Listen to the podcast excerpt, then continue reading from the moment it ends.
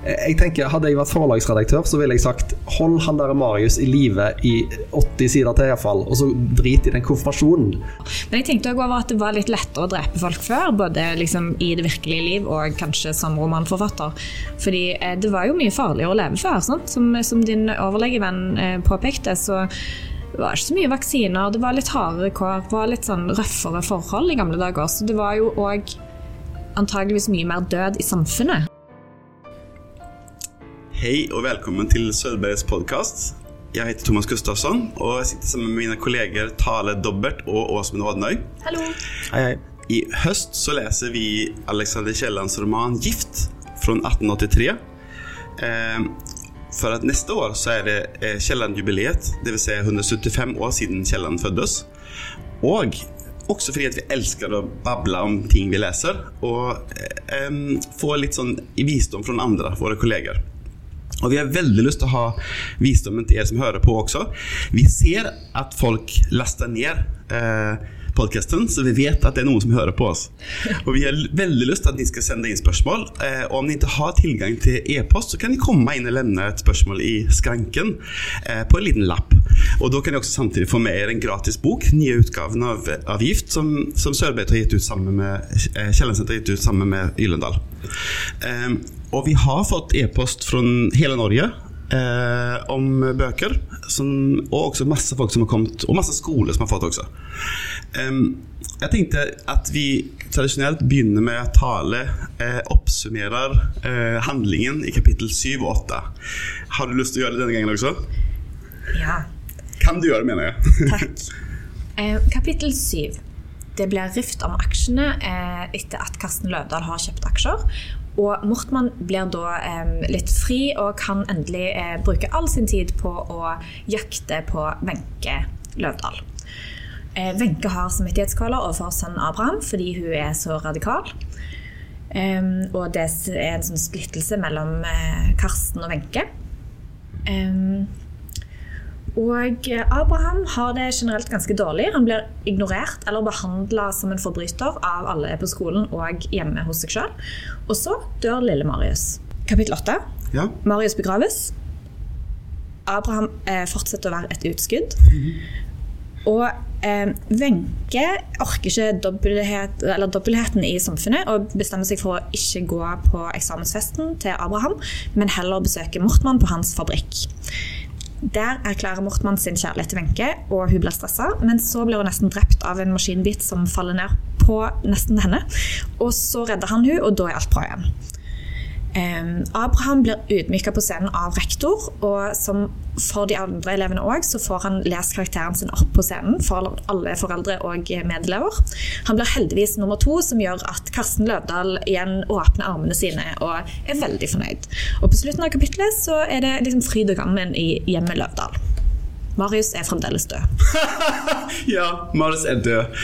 Um, altså, for, det er jo mye opprørte følelser rundt det her. At, eh, for det første vi skulle kanskje lagt inn en sånn major spoiler. For jeg har jo også tenkt Eller jeg har tenkt at Marius dør mye senere i boken. Vi er jo typ halvveis, og nå er han død. Ironisk nok så er, er dette delen der Marius dør.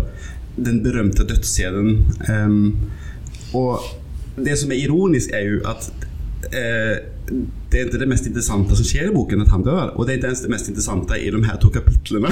liksom. Eh, og så lurer jeg på om eh, altså, Han dør bare, og så hans mamma springer inn. Eh, 'Å, du ser mye gladere ut nå, Marius.' Og så, s- og så sier han 'Mensa rotunda', svarer Marius og dør. Og, og så er det slutt. Eh, og så begynner neste kapittel på noe helt annet, som han har gjort hele veien.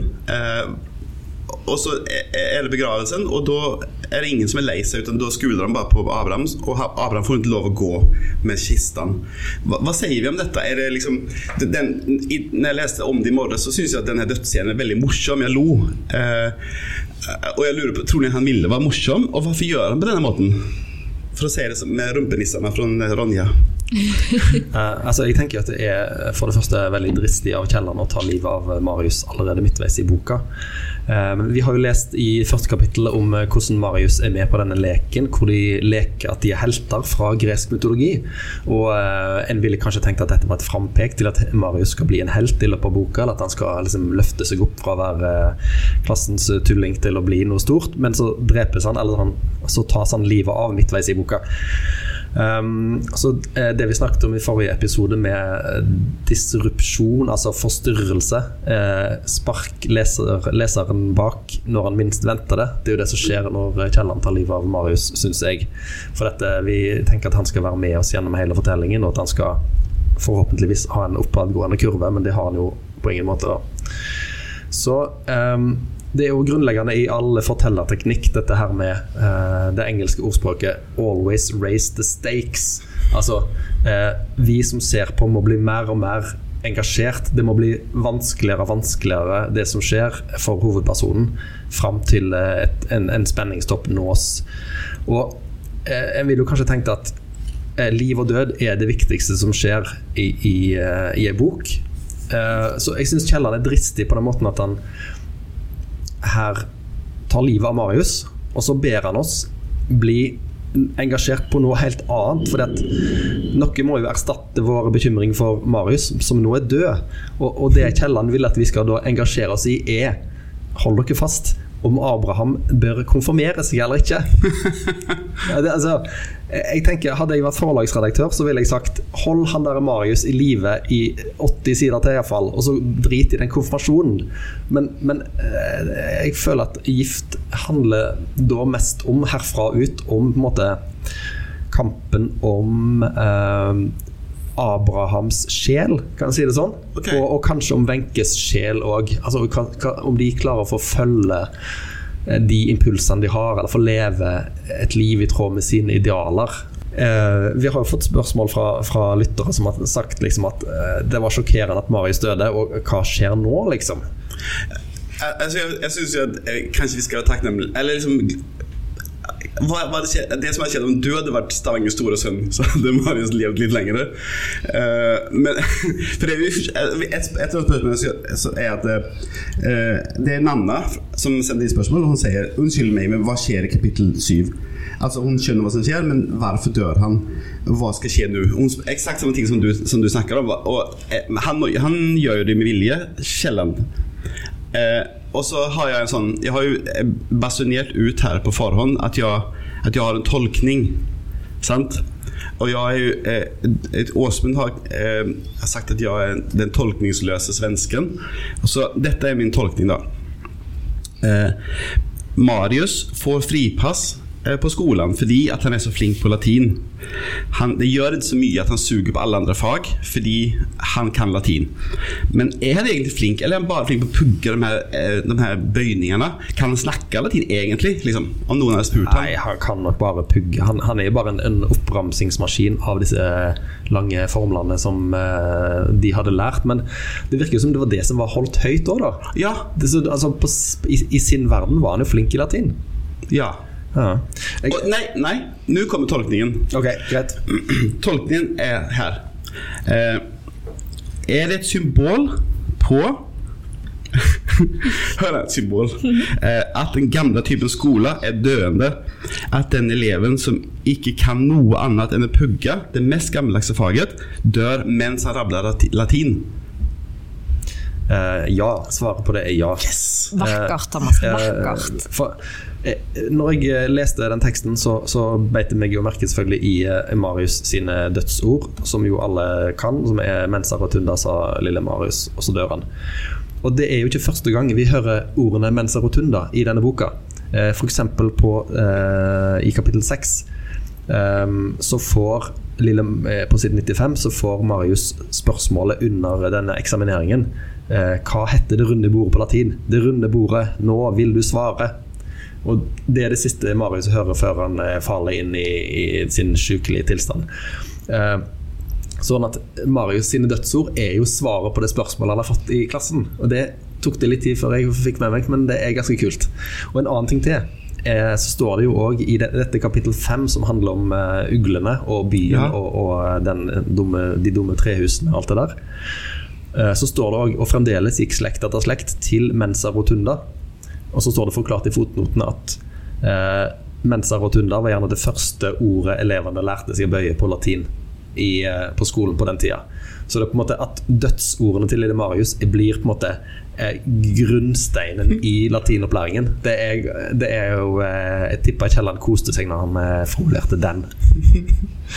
Kan jeg si, si en ting til? For jeg har med Ja. meg noe ekstra i dag. Eh, vi har jo alle lært i norsk litteraturhistorie at Marius han, han eh, faller om i klasserommet, og så havner han i en eh, medisinsk tilstand, og så dør han. Eh, og, og det som er på en måte the word on the street, er at eh, latinen tok, tok livet av lille Marius. Puggingen tok livet av lille Marius.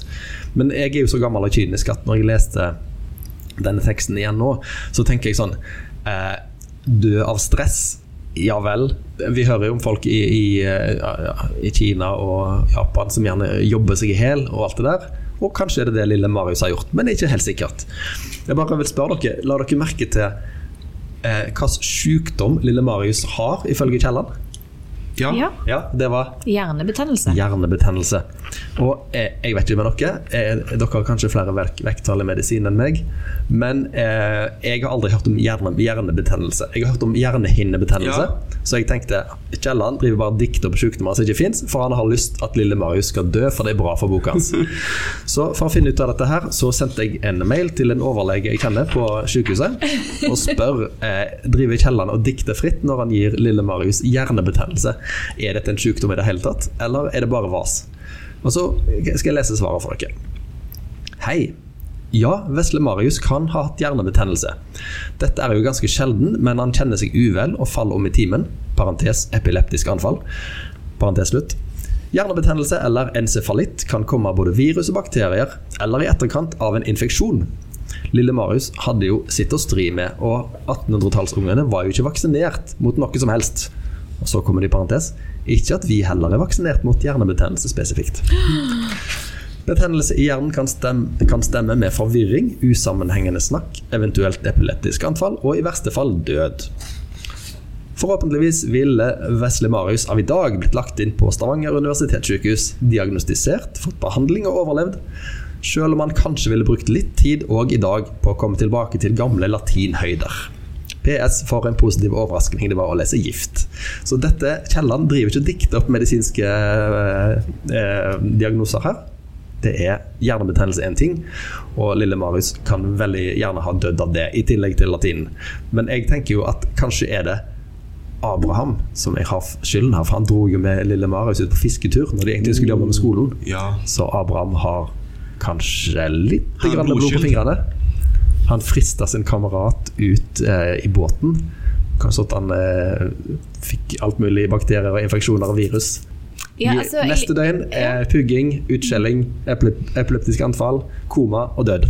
Jeg liker at du stiller deg bak alle de voksne i denne boken, Åsmund, og, og dumper all skyld på den eh, 14-16 år gamle gutten Abraham. Jeg, jeg, tror at det snarere var Wenche som drepte han. fordi han, han, hun klemte jo eh, Marius og Marius var ikke vant med klemmer, sant? så han fikk sikkert Ja. noen bakterieoverføring der. Det, vill bara säga ta tusen takk til det, det utrolig bra svaret. Ja. Eh, det var skikkelig bra och koselig svar. takk til vår lesende overlege som har svart på dette. Ja, og så må jeg jo si at altså, ja, eh, så heldige vi er som lever i dag, fordi at eh, dette, denne overlegen vil man jo mye heller møte enn doktor Benson, som vi husker fra eh, episode én. Ja, han har sagt et eller annet i, i som mor til Marius refererer til i, i, et av de tidlige kapitlene. Og han er jo, i dette kapittelet, får vi vite at han er jo pill råtten. Han er pill råtten. Han sier eh, altså, Dr. Benson hadde sagt til professor Løvdahl at man bare måtte ønske at gutten fikk dø, for han ville aldri få igjen forstanden. Och han har inte noen ting til mammaen Hun tror at han skal bli frisk igjen. Ja. Ja, så de drev verken med vaksine eller taushetsplikt på 1800-tallet. Det kan vi jo trekke ut av dette her. Kan jeg skyte inn en ting til når det gjelder Lille Maris død? Jeg har et, tillatt meg å lage en liste over eh, topp fem sentrale dødsfall i norsk skjønnlitteratur. Så kan vi gjerne få innspill fra dere etterpå. Jeg teller ned fra fem. På femteplass Margrethe i Jan Kjærstads trilogi om Jonas Wergeland, forføreren, erobreren, oppdageren. For hun er på en måte den som utløser hele handlingen. På fjerdeplass Lille Marius i Gift. På tredjeplass sønnen i Bjørnstjerne Bjørnsons novelle 'Faderen'. Den gutten heter Finn. Denne novellen har alle norske barn analysert på skolen. På andreplass selvfølgelig faren i eh, Min kamp-bøkene av Karl Ove Knausgård. Å ja, og det er forfallet før døden. Ja. Ja. Og på førsteplass eh, Hedda Gabler. Eh, Men det kunne vært mange andre Ibsen-skikkelser. For hos Ibsen så dør jo folk i ett sett. Eh, Mor Åse i Per Gynt, Lille Eyolf, Brand osv. Ibsen tok livet av folkene sine i hopetall. Jeg fant en oppgave som skrev at i 26 Ibsen-stykker så er det 13 selvmordstilfeller. Wow. Og eh, mens jeg holder på å rante litt her nå, kan jeg bare si det at forfatterne før i tida, og dette er en enorm generalisering, de var sykt glad i å ta livet av folk. Det er altså så mye dødsfall i disse klassiske bøkene eh, vi har uh, lest opp gjennom årene. Altså, nå, nå kommer spoilere til dere som ikke har lest disse bøkene. Men sant? Du har Madame Bovary, du har Jenny av Sigrid Undset, du har Unge Werthers lidelser, og du har Fred av Arne Garborg.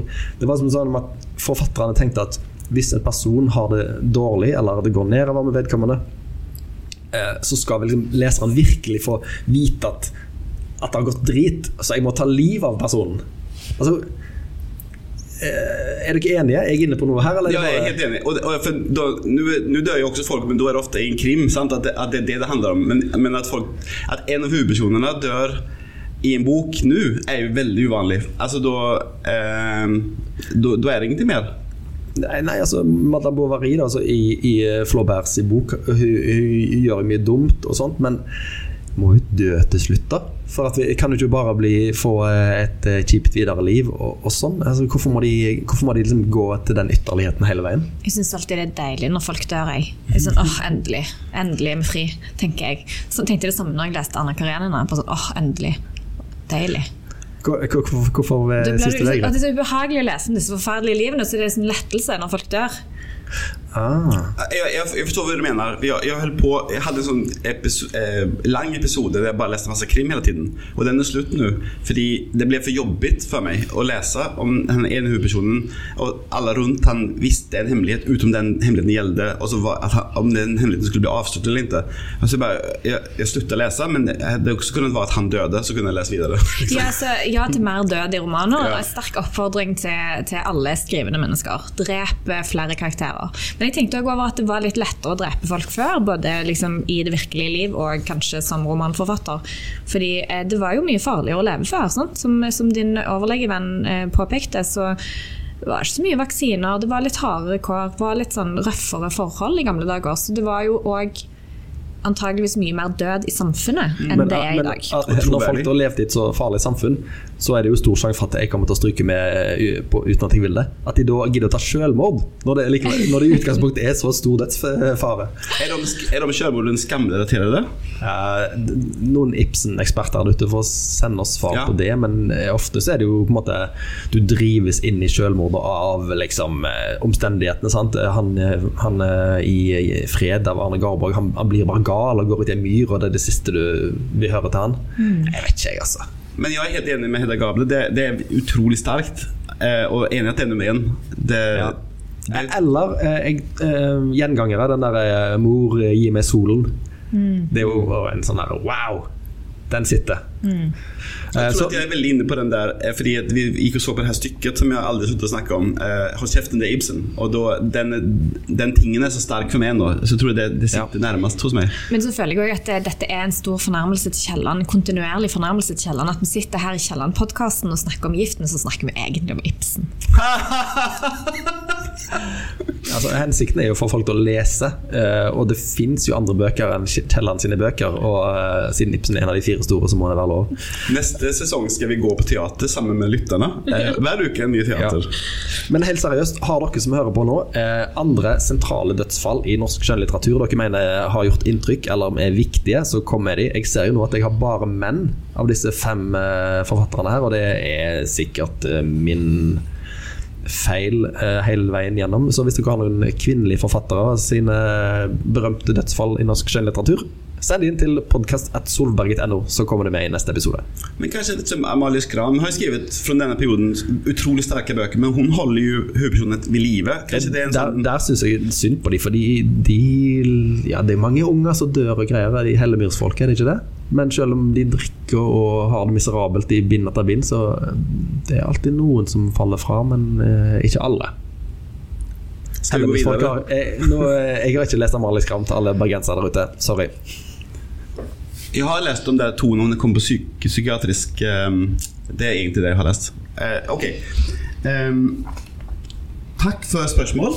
Eh, Det ble en lang sånn um, uh, digresjon som var utrolig interessant. Takk for at du, var, at du er så engasjert. Det, det ga meg mye om det dødsfallet. Jeg skal, jeg skal tenke mye på det.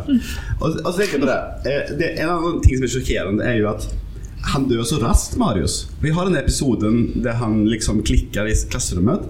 Og så eh, På siden 107 så får han hjernebetennelse. På siden 109 står det at han svamler latin. Og på siden 110 dør han. liksom Og så at Det går så raskt. på en måte Ingen, Alle er liksom sjokkerte.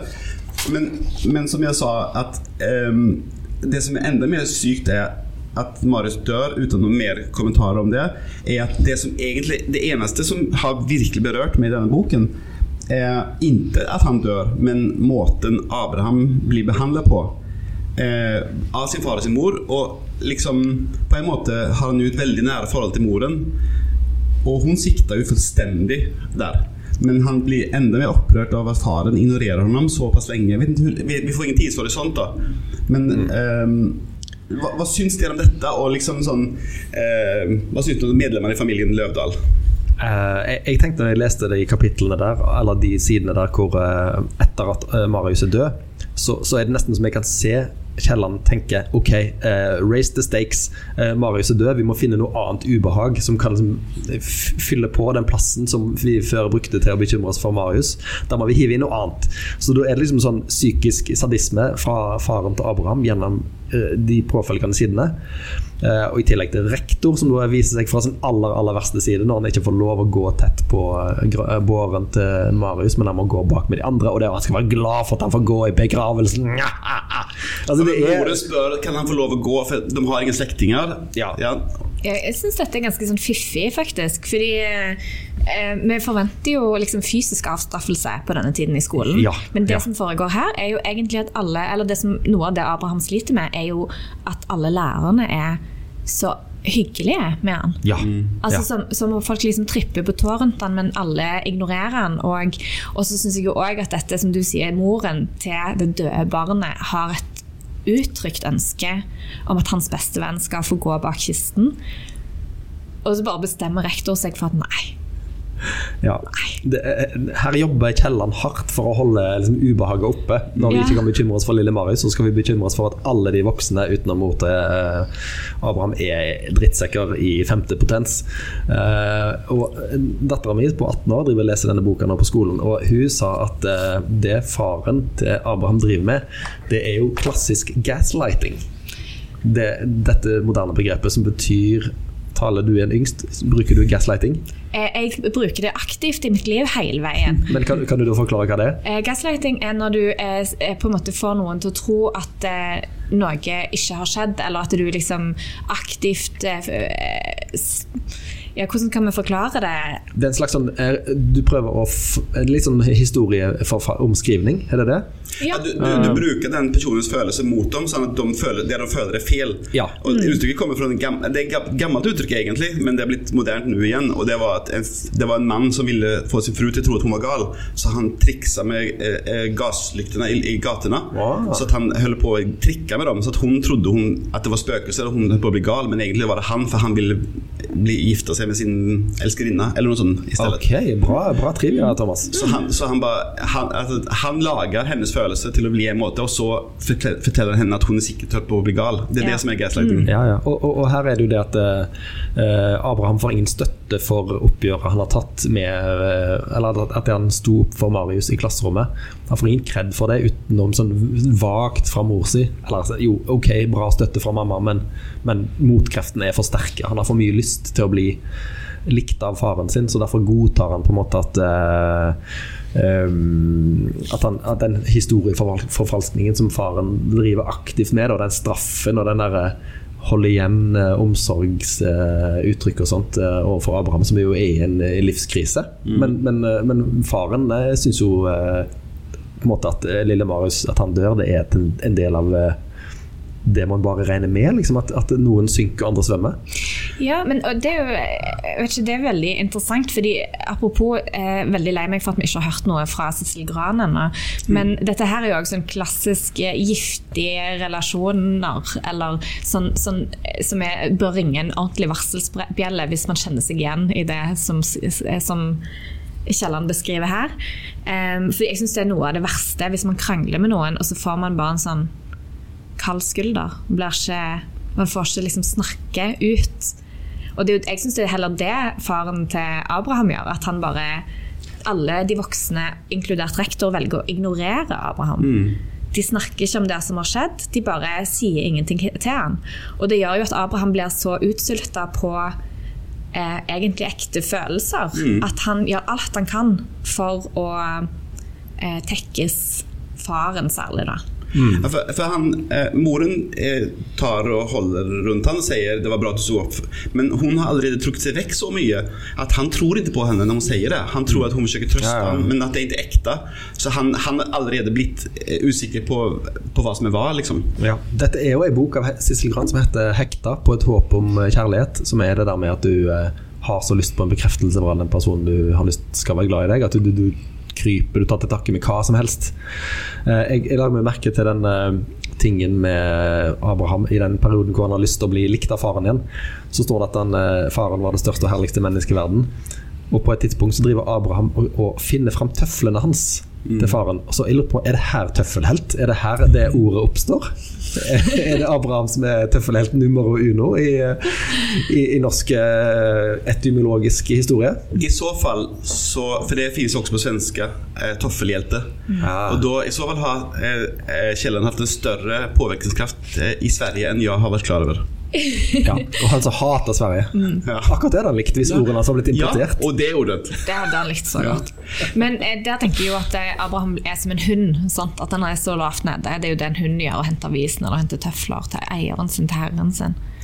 Jeg har bare lyst til å lese det, den, eh, den, episoden som, som, har faktisk berørt meg i boken. Og det er um, faren uh, til Abraham, um, som, som det handler om her. Han sier da sa han endelig en dag Vi har nå overveiet saken, vi, dine foreldre og skolen.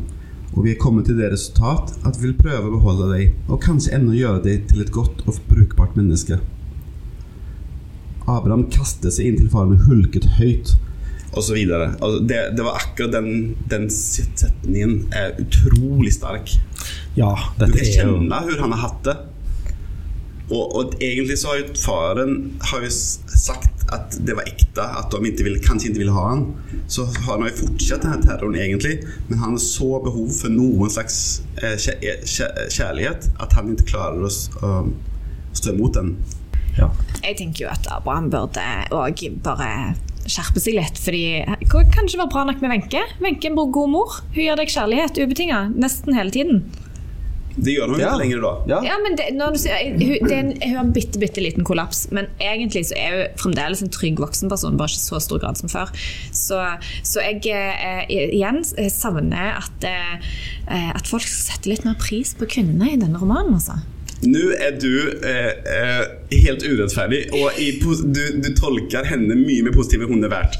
For, for nå kommer vi jo inn på neste kapittel, og da, lar hun jo være å gå på eh, Abrahams eh, eksamensutdeling. Mm. Sant? Og da er hun ikke til stede. Men så tenker jeg litt sånn, ok, men er ikke det bra, da? Ikke, har ikke Wenche òg fortjent sitt eget liv? Hun er nesten Nei, hennes sønns beste kompis har dødd. Han blitt ydmyket for hele skolen. Og hun går ikke engang på hans utdeling av, hans, av karakterene. Men samtidig så gjør jo faren det. Er det sånn at eh, de må være der begge to? Kanskje ja. hun får lov til å leve ut sine eh, lidenskaper og ta litt plass i eget liv? Det, det unner jeg Wenche. Ok. Jeg er uenig. Mm. uenig. Jeg, jeg syns at kapittel eh, åtte, vel, det siste kapittelet, er veldig koselig og fint. Jeg synes det er etter all denne døden og denne ydmykelsen av Abraham, så liker jeg den derre flørtete greia med at Wenche drar ut på fabrikken til, til Mortmann. Og, og, og han òg. Han er jo en person som eh, Kielland skrur opp og ned temperaturen på når det gjelder hva vi skal synes om han. Han kommer inn i romanen som en sånn eh, progressiv, liberal eh, på Wenches side i debatten om skolen. Og så blir han plutselig veldig veldig opptatt av penger igjen. Men nå, når han har fått alle aksjene sine på plass, da er han liksom litt mer på Wenche-bagen igjen. Da er det, da er det Wenche for alle pengene, og han flørter og oppfører seg som en gentleman. Og, så jeg har skrevet 'Gode penger er like brusende hjerte' på Mortmann. ja, jeg er jo litt uenig. Jeg tenker at det som, ja, han, Nå har han på en måte nådd mål nummer én. Da kan han på en måte masse fri, fri plass i hodet til å konsentrere seg om andre ting. Og jeg skulle jo kanskje tro at han skulle konsentrere seg mest om fabrikken sin. Men egentlig så betyr det bare at nå kan han konsentrere seg om andre gøye ting som er Wenche.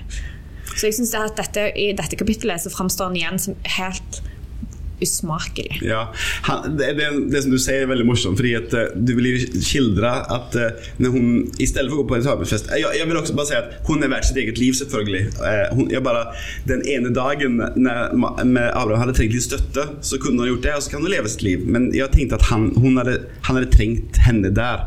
Samme det. Mm. Hun, er, hun, er, liksom på vei bort til fabrikken, kanskje hun kan se noen like der borte. Så når han ser henne komme gående så hopper han opp på en sten og begynner å beordre arbeiderne rundt. Liksom sånn. Altså, og så når hun kommer fram, så sier han ja, nå kan jeg gå med deg, for nå klarer arbeiderne seg selv. Og så liksom går de, og så, og så står det liksom på arbeiderne og tenker bare ja, det gjør vi jo, jeg ikke hvorfor du hoppet opp på den stenen. Så han, Nei, det, det er så bra. Jeg liker så godt ja, kapittel 8. Jeg, det er, jeg liker den der dansen mellom eh, Wenche og Karsten Nei, Wenche og, og Mortmann, for de prøver på en måte å navigere sine egne eh, komplekse følelser i et veldig sånn trangt sosialt rom. Samtidig som du har disse økonomiske bindingene og bindingene til, til uh, Karsten, altså til, fa, til Wenche sin mann, som er inne i økonomisk sett i dette, denne sausen her. Så de, de, er bare to litt sånn uh, små båter på et stort hav som prøver å finne en kurs sammen. Og jeg syns det, er søtt jeg taler. Jeg forstår ikke at du leser det med et så så, et, eh, så dømmende blikk. Eh, ok, Mortmann han har kanskje hovedmål på powerpointen hans er aksjer.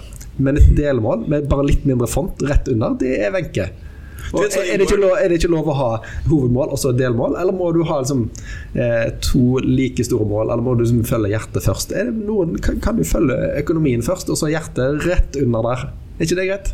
Jeg bare tenkte at jeg synes det hadde vært så mye gøyere hvis Wenche kunne få lov til å bli med i styret på denne fabrikken. For eksempel. Kanskje hun får lov til å få litt makt. Det er hennes penger. Ja, det er ikke science fiction dette taler. Dette. og så vil jeg si at eh, I denne boken så er det mennene som har daddy issues. For eh, Mortmann snakker, han er glad fordi at hans pappa er glad. Eh, med de aksjene av den fabrikken. Og, og Abraham eh, har daddy issues, liksom. Det, det er en interessant eh, aspekt, syns jeg, som jeg kom på akkurat nå. Ja. Mm. Eh, og jeg liker det der med at eh, denne, det øyeblikket hvor Mortmann eh, alle har hatt den der følelsen hvor du er litt sånn forelska i noen, og sånt, og så vet du at ok, jeg kan si disse tingene her uten at jeg har liksom trampa ut i noe, men så plutselig sier du noe som på en måte tar vekk sløret fra det du holder på med. Det bare liksom, Du stiller deg litt sånn åpent da når han sier, sier uh, at eh, Karsten burde brukt mer tid sammen med Wenche. Eh, når man har en kone som dem. Liksom. Det, da har du på en måte liksom sagt at her er jeg.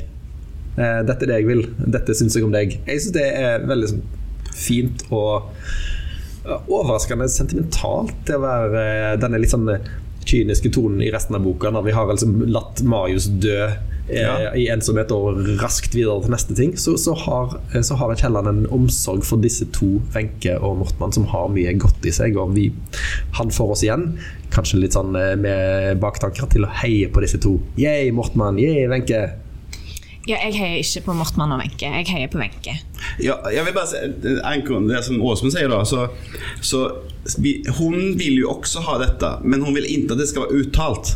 Hun vil late som at, at de bare er gode venner. Eh, så står det sånn som dette, denne setningen eh, og hun, hun, holdt en spøkefull tone med ham, som kunne la mangt et ord og mangt et øyekast passere for mindre enn det virkelig var. Sant? Det er sånn hun vil ha det. Mens han sier at han Jeg vet ikke om han sier at han er forelska, men no, noe sånn som det. Og da, hun, da, blir hun sur og skikkelig og vil gå. Og det er da det skjer som du sa, Tale, med at eh, når hun går ut av kontoret da, i vredesmot, på en måte, så, så ramler det maskin over henne, og han redder henne. Og da er alt plutselig bra igjen, og da vil hun eh, gjerne følge hjem igjen. Ja. ja, men fordi det er noe med det, han, han overskrider egentlig en uuttalt grense som i, må endre forholdet deres, og som gjør det mer ubehagelig for hun, for hun er jo den som risikerer noe her. Ja. Um, og så tenker jeg at eh, jeg, jeg føler ikke disse varme tingene om deres forhold og Mortmann generelt, fordi eh, pga. det skiftet som har skjedd tidligere i boken, at han etter den festen hvor de, du følte at hun fikk en, en partner, så snur han så raskt eh, og har dette hovedmålet for øynene. Så Derfor føler jeg at det, det er alltid det viktigste. Wenche kommer aldri til å, å nå opp der som aksjene ligger. Og det gjør at jeg stoler null på Mortmann. Han kommer ikke til å være bra for Wenche. Pass på Wenche, tenker Ja. jeg når jeg leser dette. Jeg tror at Wenche gjør sitt eget liv litt vanskelig også. Eh, bland annet sånn at hun f.eks. ikke går i kirken. Eh, at hun velger å ikke gå i kirken. Og det er litt av samme grunn som at hun ikke vil gå på denne eksamensfesten. For hun liker ikke sin manns kinnhellighet. At han, han eh, snakker om han går i kyrkan og han snakker av og til Han snakker ikke om det, men han ber en bønn av og til. Sånn Fader vår, sånn, sånn der oppskriftsbønn, på en måte.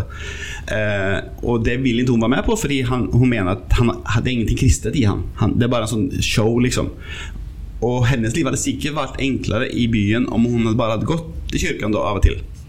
Men det velger hun å ikke gjøre. Og ja. Ja, jeg er enig med deg, eh, Tale, i det der med at eh, Wenche er liksom eksponert og utsatt i måten hun oppfører seg på. Men, men samtidig så, så står det flere steder i teksten at eh, hun begynner å føle seg litt sånn halvgammel, halvgammal. Hun har en sønn som snart er voksen. Liksom, hva skal det bli til med hennes liv, da? Kanskje det, hun er kommet til det punktet hvor, du liksom, bare sier litt sånn Fuck it, nå gjør jeg det som jeg har tenkt. Nå bare ser vi hva som skjer her, for jeg har et liv, jeg òg. Jeg kan ikke bare være eh, intelligent kone og mor til en sånn eh, sønn som blir større og større og forhåpentligvis trenger meg mindre og mindre. Altså, det er It's Wenche-time, tenker jeg. Og da, og da kan det jo skje ting. Da, når du tar en risiko, så kan du få en stor gevinst, men du kan òg få en, en stort nederlag. Men det er det kanskje verdt, da, tenker jeg. Og så er det jo litt Unnskyld. eh, Det er hun som har litt av kontrollen. Eller hun setter grensene til han. Han forsøker seg, men hun setter han på plass, og da aksepterer han det. Og så sier hun 'nå kan du komme inn igjen', og så gjør han det. Så jeg føler det Altså Det får sikkert konsekvenser, men hun har likevel Jeg, jeg tenker sånn som Åsmund, at hun kanskje har litt kontrollen. Men jeg synes det du sa, Thomas, var interessant. fordi at nå, eh, Poenget ditt er vel at nå begynner det å koste Wenche noe. Ja. Eh, nå, eller nå ser vi konturene av det. Kielland legger liksom ut sånne spor at ok, Wenche er radikal. Og eh, tidligere så har det ikke kosta henne noe fordi hun em, på festen for eksempel, når hun kommer med sine kontroversielle tanker om skolevesenet, så gjør ikke det noe, fordi hun er jo bare en kvinne. Folk tar henne ikke så alvorlig. Mens det at hun ikke går i kirken, og, og der er jo de andre kvinnene, f.eks. Hun, hun setter, stiller seg på siden av et fellesskap eh, for sine egne overbevisninger. Og det er noe som koster henne noe, og som kan antageligvis bite henne senere i romanen. Ja. Så ja, jeg er nysgjerrig på hvordan det kommer til å gå med Wenche. Ja, for det, det, det er det siste spørsmålet som jeg har sendt dere. Det er at, eh, at nu, Hun har på en måte lekt litt, da, så, men nå begynner det å ta seg opp at det viser seg at byen snakker om henne. At bla, bla, bla, hun går ikke på møte eller på, eh, på kirken. Og ehm, at hun trekker dårlige folk til den ærbare ehm, herr Lø professor Løvdahl. Sant? Eh, og, men også Kielland er også litt av og til plutselig på Og jeg er sånn som tror på alt som står. Så, så sier Kielland sånn om, om han Løvdahl at hans kloke og besindige oppførsel fikk mye til å jevne seg, som ellers kunne blitt vanskelig. Så han, han strør i en sånn der Han er ikke helt Han er ikke bare god. Og jeg bare Nei, han er jo ikke bare dårlig, liksom. Så jeg er, jeg er veldig jeg er en naiv leser som tror på alt. Men hva tenker ni om, om Wenche? At, eh, Hvordan går det? Eh, Jeg vet ikke hvordan det kommer til å gå med Wenche, men det er en, en del av eh, Kiellands prosjekt om at vi må få noe å engste oss over eller være spent på nå som lille Marius er død, uten stor fanfare. Så da er det på en måte Wenche og Abraham eh, for alle pengene, og i mindre grad eh, Mortemann, mens Karsten han er, han, han er den stabile kraften gjennom romanen, sånn som jeg ser det. Han, han forandrer seg ikke så mye. Han står mer og ser på og tenker sitt. Og eh, har nok eh, mer dybde enn vi kanskje trodde i begynnelsen, men jeg tror ikke han kommer til å gå gjennom noen sånn svær omveltning. Så det, det, er på en måte Kielland får oss til å investere følelser i Wenche her, og det noe må vi jo ha å tenke på de neste 90 sidene òg. Jeg tenker også at, eh, at Kielland strør jo litt sånn at han, han gjør jo ikke dette mot sønnen for å være stygg. Han tror oppriktig at det er for sønnens beste. Selv om han jo har feil, selvfølgelig. Men han, han, han, det står jo på flere steder at han har så lyst til å snakke med sønnen, men han føler at han, han må ikke gi han kjærlighet for tidlig. liksom. Så, ja. Men så er det sånn, ok, Med dagens øyne så har han jo feil, og måten Kielland skriver det, så er det jo åpenbart at det er ikke bra for Abraham. Men hvis vi tenker at Karsten sitt mål er å få en sønn som følger i hans eh, fotspor, som ikke er radikal som sin mor, men som oppfører seg ordentlig og tekkelig som en ung mann skal, så har han jo oppnådd målet sitt, selv om det var litt vondt for begge to. Mm. Ja, forferdelig. Eh, og så I tillegg så har jo Kielland satt premissene her at vi kan ikke stole på denne boken. Vi vet ikke hva som kan skje. Han er jo crazy. Han tar jo livet av folk. Ja, fy søren, så mye dramatikk det er. Altså, først er det dette dødsfallet, og så er det Wenche ble jo også nesten drept eh, ja. på denne lille ekspedisjonen til fabrikken. Så det, det, er ikke måte på hvor mye dramatikk som kommer på veldig, veldig få sider. Ja, jeg tror ikke på det at hun holdt på å dø på fabrikken. Det er bare sånn der eh, Det, er sånn det var en kjempetung ting. Ja. Det, det, er sånn som, eh, det er sånn som forelska folk forteller hverandre. Og Husker du den gangen vi var på det stupet på den der fantastiske turen? Altså, eh, Forelska folk skrur alt opp til 100 når det kanskje ikke er verdt det. Og kanskje det var bare en, en spade som datt ned. Altså, men, men de, de, hadde behov for å gjøre det til de, hadde, de, trengte et øyeblikk hvor de kunne finne tilbake til hverandre. Mm. Og da var det greit at det falt en eller annen dings på den fabrikken. Jeg gleder meg til å fortsette, og jeg gleder meg til å treffes, uh, treffes med dere neste uke. Vi, vi har blitt bokmerken. Så her på Sølvberg har de trykt opp bokmerken, og en side av bokmerket, uh, naturlig nok, er Kielland. Uh, andre siden av bokmerket, takk være Tales kampanje, så er det eh, meg og Åsmund og Tale eh, bilde av oss som står og holder opp eh, Kielland, giftboken. gifteboken. Så hvis du f.eks. ikke har henta giftboken ennå, så kan du hente den i første etasje på Sølvberget. Og nå får du òg med et spesiallagt bokmerke eh, når du henter boken. Og hvis du kun har lyst på bokmerke, så kan du hente det òg samme sted. Ja, absolutt. Om du hater bøker, men elsker bokmerken, vær så god.